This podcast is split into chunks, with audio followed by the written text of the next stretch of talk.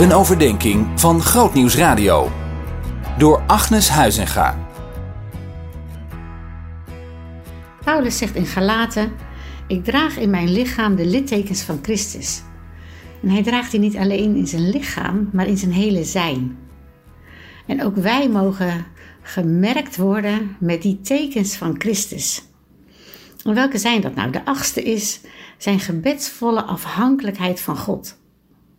Jezus was de grootste bidder die er ooit ter wereld is geweest.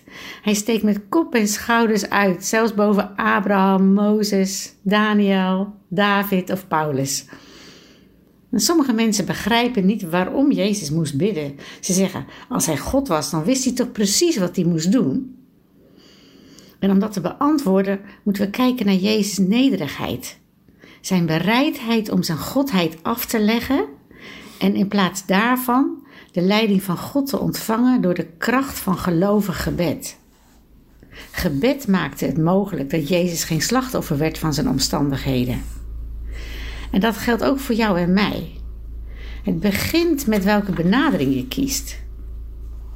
Vraag je jezelf af: wat voor invloed zal mijn situatie op me hebben vandaag? Of vraag je jezelf af: hoe kan mijn situatie vandaag door gebed beïnvloed worden? Ja, misschien denk je dan, nou ja, makkelijk gezegd, maar er zijn zoveel belemmeringen, zoveel beperkingen. Maar weet je, denk je nou echt dat een belemmering of beperking het laatste woord heeft? Door gebed kan een obstakel een openbaring worden. God kan dingen omkeren.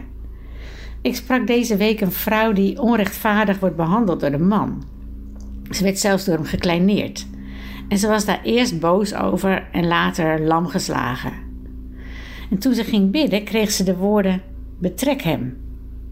En ze begon hem liefdevol in allerlei dingen te betrekken. En dat was moeilijk, want hij bleef haar argwanend benaderen.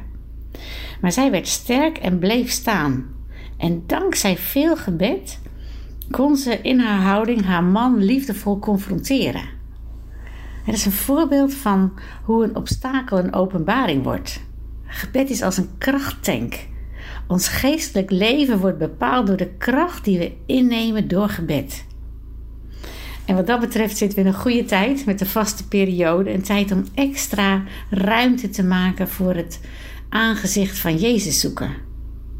Dan ken je dat, dat je in alle rust bidt. Dat je alleen bent of samen.